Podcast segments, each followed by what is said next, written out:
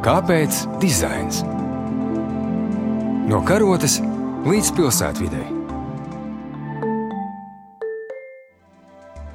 Esiet sveicināti, kad Latvijas Rādio 3 ieskanas dizaina akords. Šodien raidījumā kāpēc dizains par modes industrijas radīto ietekmi uz vidi un, jā, arī mūsu prātiem. Studijā Ilza Dobele. Mode ne tikai diktē miljoniem cilvēku uzvedību, uzturot iepirkšanās kāri, bet var arī manifestēt jaunu, revolucionāru redzējumu par svarīgām norisēm pasaulē, piemēram, par vidas aizsardzību. Šo iespēju vairāk izmanto vidējie un mazie uzņēmēji, bet arī globālie apģērba ražotāji meklē veidus, kā saviem pircējiem parādīt, ka arī viņi reaģē uz ziņām par tekstilu industrijas radīto piesārņojumu pasaulē. Ātrā mode mudina iegādāties daudz lēti izgatavotu tā saukto vienreiz lietojumu apģērbu. Iespējams, arī jūs pamanāt ne tikai veikalu skatlogos izliktās cenu atlaides, bet arī apģērbu kalnus, par kuriem tā arī nevienam nav interese. Kur tie paliek? Kas ar tiem notiek tālāk? Par apģērba ražotāju diktēto impulsīvo iepirkšanos un dažādu veidu piesārņojumu, ko modes industrija nodara planētai, saruna ar ilgspējīgas modes eksperti Daci Akuli un ilgspējīgas modes dizaineri Baibu Ladigu Kobayashi. Tekstilu izstrādājumu ražošana, kas ir būtiska daļa no modes industrijas, gadā rada 1,2 miljardus tonu oglekļa dioksīda. Tas esot lielāks siltumnīca efekts planētai nekā starptautiskie avioreisi un kuģniecība kopā. Savukārt izēvielu, piemēram, kokvilnas ražošanā, vērpšanā un krāsošanā, tiek izmantots milzīgs ūdens daudzums un toksiskas krāsvielas, kas nonāk dabā. Tādi materiāli kā polisters, neilons un akrils bioloģiski nenoārdās.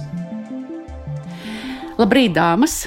Labrīt. Un lūk, Eiropas Savienība pagājušā gadā ziņoja, ka tikai puse no visām lietotajām drēbēm tiek pārstrādātas, un tikai 1% no tām kļūst atkal par jauniem apģērbiem. Pārējais vienkārši nonāk atkritumos.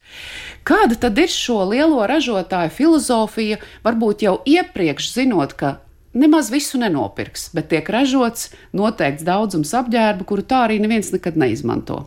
Vislielākie, protams, vaininieki ir ātrā moda. Tīri statistiski vispārdotākais zīmols ir Dior, kas ir nu, luksus, un arī šajā sektorā viņi nav tīri. Bet otrajā vietā ir Zāra, kur tie cipari ir ļoti traki, bet tā problēma ir arī tajā, ka viņi ražo drēbes vairāk no sintētiskiem materiāliem, jo viņi ir lētāki. Tāpat um, arī HM, apmēram 85% viņi sadedzina no tā, kas ir ražots, un tas tiek sadedzināts arī pašā Zviedrijā. Un tendence kā tāds ražot tādēļ, lai pirktu vairāk. Un, un tur runa par viņu sirdsapziņu un kāpēc viņi to dara. Viņi vienkārši to dara tīri naudas pēc. Bet tā vietā, lai nolaistu zemāk vēl cenu un vai atdot, piemēram, tās lietas, kas ir nepārdotas trūcīgiem, viņi vienkārši viņus sadedzina un brutāli ražo atkal pa jaunu. Tātad tiek visu laiku patērēta nevajadzīgi resursi. Dāce? tajā veidā, kā mēs šobrīd uh, ekonomikā rīkojamies, ne tikai modes industrijā. Mēs neņemam nekādā veidā cenā vērā arī videi nodarīto kaitējumu. Un uh, modes industrijā to mēs ļoti labi varam redzēt tajos uh, pētījumos, kur ir sadalīta, kā veidojas apģērba cena, cik ļoti, ļoti minimāls apjoms aiziet tiem, kas šuj un ražo. Ļoti liela daļa no šiem industrijas spēlētājiem to dara Āzijā, kur ir daudz zemāki darba aizsardzības apstākļi tiek prasīta likumdošanā, un arī vidas aizsardzības apstākļi. Citiem vārdiem tas viss ir daudz, daudz lētāk. Līdz ar to ir vesels komponents, kurus mēs nemaksājam, maksājot šo apģērbu. Un līdz ar to ir daudz lētāk vienkārši uz masām to saražot. Un nerūpēties, kā Baiba arī saka par to, padomājam, vai vispār tik daudz vajag. Ja? Ir lieli veikali, šīm ķēdēm ir simtiem tūkstošiem veikalu visā planētā, viņi ir jāpiepilda tie veikali nevar palikt tukši. Ir jāicina cilvēks ne jau uz pustukšu veikalu. Ja? Un tas jau nekas, ka tajos momentos, kad ir izpārdošanas, tur uh, drīzāk izskatās pēc atkrituma poligona, ja? jo tās drēbes vienkārši nav tādā kvalitātē. Tie aspekti vienkārši nav iebūvēti šajā sistēmā, jo mēs nemaksājam par to, ka mēs piesārņojam vidi. Bet tad arī šī ātrā mode varbūt uh, no, arī no šī mārketinga viedokļa ir uz to tendēt. Ir jārada iespējas, ka ir ļoti daudz no kā izvēlēties. Un un iespējams tas pat varbūt ir apzināts nu, solis, pat zinot to, ka nāksies 85% ārā izmest, bet ir jāuztur šis tēls, ka mums visa kā ir daudz. Tās tendences ir veidotas tāpēc, lai pirktu vairāk. Līdz šim tās bija divas sezonas gadā, ja?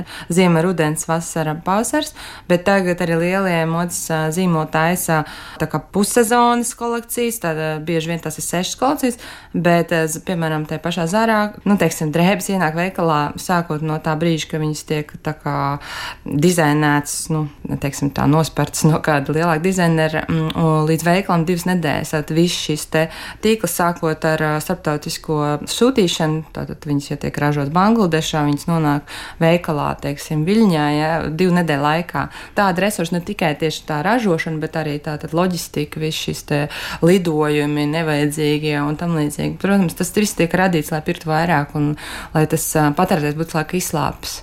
Un tomēr mēs šajos lielajos um, ražotāju veikalos redzam, ka tiek piedāvātas preces, uz kurām rakstīts bioloģisks, organisks materiāls, it sevišķi, ja mēs runājam par kokvilnu, ko es esmu pamanījis, droši vien arī ir vēl kādi. Vai tas nozīmē, ka tomēr šie lielie ražotāji nu savā veidā grib tā kā spērt tādu atbildes soli tam, kad ir šie pārmetumi viņu virzienā par piesārņojumu, vai arī tas ir globālais spiediens uz to, ka nu, mums ir jāražo kaut kas, kas arī nav tikai sintētisks un kas ir tiešām arī nevis vienkārši kokvilna, bet īpaši, bet mēs jau arī neviens to nevaram pārbaudīt. Es domāju, daļa noteikti ir sabiedrības spiediens, jo tiek uzdot citi jautājumi ražotājiem, kas ir tas, kas man tiek priekšā dots un piedāvāts. Protams, arī globālās tendences politikas laukā, kur arī ir citi uzstādījumi, gan ANO līmenī, gan arī citu reģionu institūciju līmenī. Nākamajā gadā Eiropas komisija nāks klajā ar tekstilu industrijas stratēģiju. 25. gadā mums visiem arī Latvijā ir jāsāk savākt tekstils, tas, ko mēs vairs negribam lietot vai kas vairs nav lietojams atsevišķi atsevišķi, un būs arī klāta konkrēti procenti, cik būs jāpārstrādā, lai radītu šo sistēmu un spiedienu ražotājiem domāt savādāk. Bet uh, jautājums ir par to, ko mēs darām ar šiem materiāliem pēc tam, un arī kā iebūvēt iekšā to komponentu, ka no šiem materiāliem tiek radīts jaunas augsts pievienots vērtības produkts, nevis lupatiņas vai maisiņi, kas nevar būt tas pats kvalitātes līmenis. Tas jau ir zemāks kvalitātes produkts, teiksim, to mēs nevaram uzvilkt. Ja? Un tas e, viens no veidiem, kā to var izdarīt, ir piemēram pateikt, ka noteikts procents ir jābūt pārstrādātiem apģērbos, ka noteikts procents, piemēram, apģērbu tiktu ar kaut kādiem nodokļiem atbalstīts, ja tajos materiālos tiek izmantot pārstrādāti materiāli. Ja? Mums pasaule ir pilna ar drēbēm, ir negribēto audumu un negribēto apģērbu kalni, tur nav jāiet tālu. Mēs varam aiziet uz mūsu pašlietoto drēbju veikaliem, lai to redzētu, ja? vai uh, Humana, kas ir lielākais lietot drēbju industrijas spēlētājs šajā Baltijas valstīs. Ja mēs pasakām, ka ir jāizmanto no pārstrādātiem materiāliem un par pārstrādātu materiālu izmantošanu ražotājs tiek apbalvots kaut kādiem nodokļu režīmiem vai kaut kādā citā veidā atbalstīts un iedzīvotājiem ir kaut kā arī ekonomiski izdevīgāks šis materiāls. Un tad mēs esam jau pavisam citā mm. vietā, kur var strādāt citi ekonomikas spēki.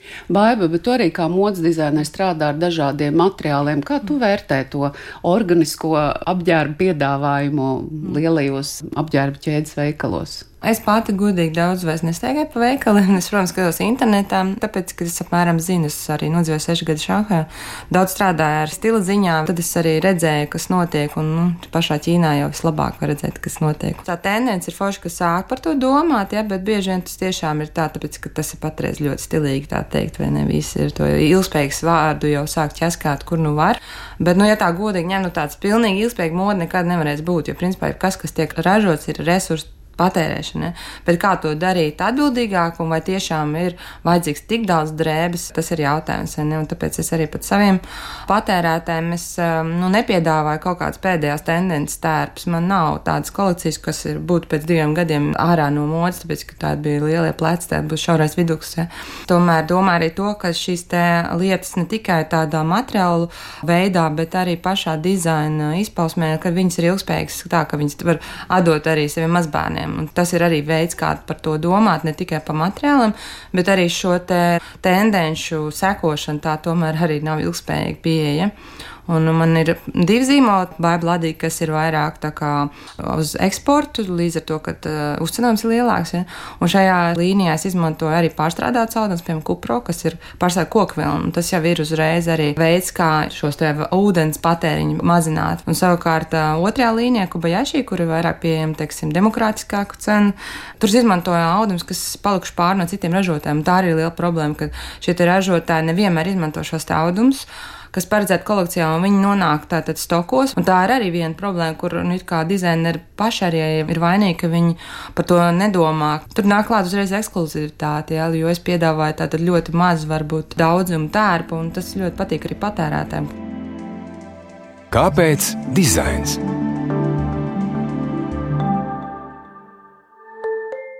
Risinājumu noteikti ļoti daudz, bet arī pieminējuši divus no tiem, kā Austrālijas dizaineri radījuši 99% dabai draudzīgu apģērbu, kuru vārdu tiešā nozīmē pēc tā novalkāšanas var ielikt kompostu kaudzē, un tad viņš tur sadalītos.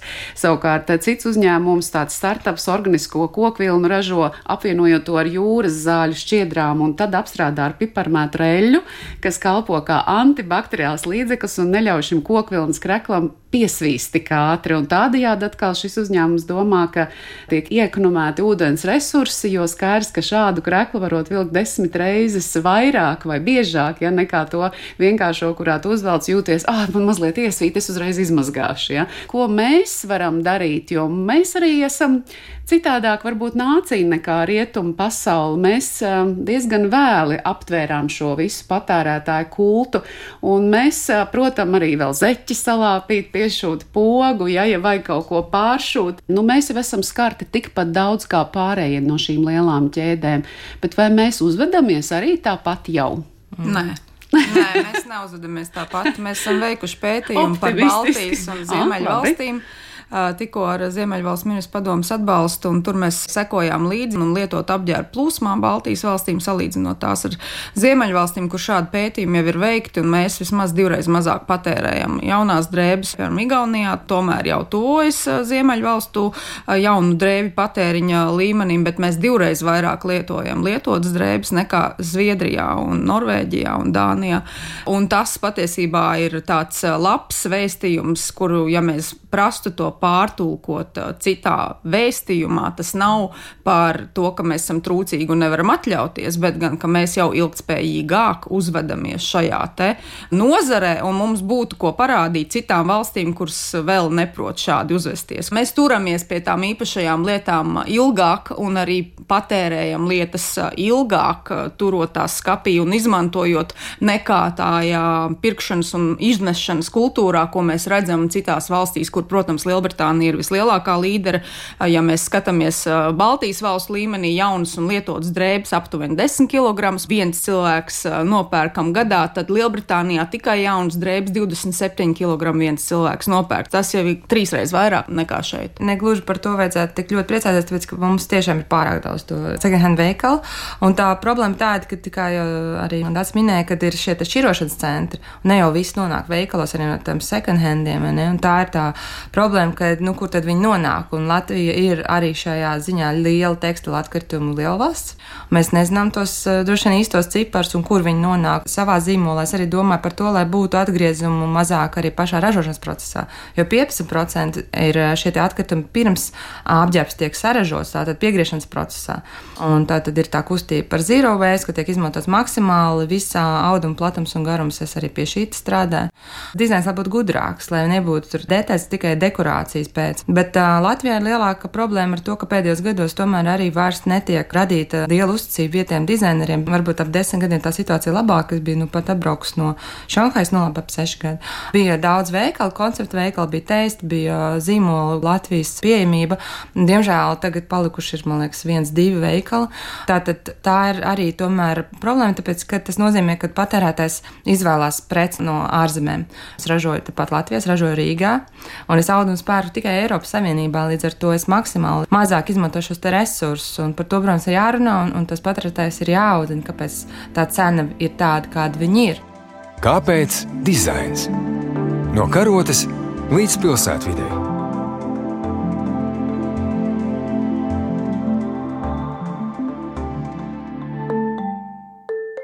Ko Latvija varētu vēl kā valsts varbūt pēkšņi radīt um, risinājumu, kas noderētu daudzām valstīm, kā tikt galā ar šo milzīgo tekstila industrijas atkritumu kalnu. Vaiba minēja, ka mēs esam kļuvuši kaut kādā ziņā par lietotu drēbju izmestu vietu. Mēs varētu pagriezt uz otru pusi. Mēs varētu paņemt to kā izēvielu un pārveidot no šīm lietotajām drēbēm uh, kaut ko superīgu, tai pašajā augstās uh, pievienotās vērtības produktu kategorijā, kas ir apģērbi. Un ir Latvijā vairāk tādu mazu zīmolu, kuriem nav arī nekāda cita pagaidām vismaz ambīcija, kā vairāk kā tikai ģimenes neliels veikaliņš, ar ko cilvēki vienkārši grib šajā jomā nodarboties. Mēs zinām aptuveni, kas tur nāk, mēs zinātu, kā sagriezt šīs mm. lietas vai pārveidot šīs lietas tā, ka tas paliek ekonomiski izdevīgi. Un patiesībā tad mēs varētu salikt kopā vienalga vai Latvijas vai Baltijas tādu ilgspējīgas modes zīmolu, izmantojot to, kas jau pasaulē ir un pasaulē ir masās šo te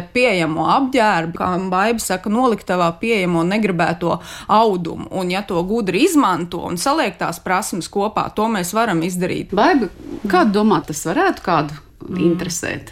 Nu, es nezinu, es tomēr esmu par dizainu, jo es esmu dizainere un man, protams, mm -hmm. vairāk interesē, kad mēs būtu uzticīgi savai valstī tīri no dizaina procesiem sākot. Jā, jo nu, pārstrādāšana tas ir baigi forša lieta, bet tāpat laikā, ja arī taisa pārstrādāt, teiksim, klēti no krekliem, nu, tas būs viens eksemplārs. Līdz ar to, nu, būsim godīgi, tas nevar būt uh, eksportējams materiāls, bet es gribu cerēt, ka nākotnē tomēr vismaz vienam ģimenes loceklim būs Latvijas dizaineru darbs. Bet, nu, redz, nu, dats risinājums tikt galā ar to, kas ienāk, ka baibas risinājums ir strādāt, ko paši mēs varam radīt. Tā kā es savā domāju. ziņā tas iet roku rokā noteikti. Bet sarunas noslēgumā es gribēju vēl mazliet arī par to filozofiju, ko mēs pieskārāmies jau varbūt pašā sākumā, ka nu, arī tādi ietekmīgi cilvēki mēdz pasaulē dot šo ziņu par pārmaiņām. Un interesanti, ka pēdējā laikā es lasīju ļoti daudz balvu ieguvējs Joker lomas atveidot izveidotājs Vākīns Fīniks vienā no savām balss saņemšanas reizēm uzsvēra, ka uzvalku var vilkt vairāk nekā vienu reizi. Nu, kāds par to, protams, paironizēja, bet skaidrs, ka lielai daļai cilvēku varbūt tiešām ir šī sajūta, ka es nopērku lietu, priekšmetu, apģērbu vienai reizei tad šī filozofijas maiņa jau arī būtu pamatā tam, ka mēs citādāk vispār skatītos uz visu apģērbu un arī līdz ar to uz, arī uz modes industrijas piedāvājumu. Mm. Nu jā, tā ir problēma, ko diemžēl radījusi arī sociālai tīkli, tātad Instagram, Facebook, kur tomēr ir šie te uh, influenceri, blogeri, kuri visu laiku katru dienu tur outfit of the day, jā, šodien, ko es esmu uzvilcis un tam līdzīgi. Īpaši jaunā paudze, viņa jau slimīgi skatās uz šo te, ah, man vajag visu laiku jaunu, jaunu vai ne arī skatījos tikko Oskara mm, pasniegšanas ceremonijā, kad bija vairāki aktieri, kur uzvilkuši jau iepriekš vēl vilktas drēbes, un tā ir baigta labā tendence. Nesēt tās pašas drēbes, tas ir ļoti forši. Tie cilvēki, kuriem ir liela ietekme, kuriem mēs sekojam līdzi, ja viņi uzvelk vienu to pašu apģērbu vairākas reizes, viņš arī izstāsta, kāpēc to viņš dara. Tam pavisam noteikti ir, ir liela ietekme arī lielākās sabiedrības daļās. Labi, liels paldies jums par sarunu, par jūsu domām. Es novēlēju mums visiem izdodas izdodas rast katram savā jomā labus, efektīvus risinājumus. Tiešām modējot roku rokā ar milzu ražotājiem, rada piesārņojumu arī mūsu cilvēku apziņās, liekot sekotai un uzturēt šo patērētāju sabiedrību nepārtrauktā tonusā. Un, kā jau minējām, Latvija kapitālismu piedzīvoja nedaudz vēlāk nekā rietumu sabiedrība, un cerams, ka mēs arī ātrāk attapsimies. Da vidējā un vecākā paudze piedzīvoja šos laikus, kad mēs nesājām vienu un to pašu apģērbu ilgstoši, jo citu vienkārši nebija. Tomēr mums bija un ir prasmes to uzturēt kārtīgu, un tas pēc manām domām ir tikums, nevis trūkums. Skaņu raidījumā montēja Judita Bērziņa. Paldies Kultūra Kapitāla fondam par atbalstu. Studijā Ilza Dobele uz tikšanos!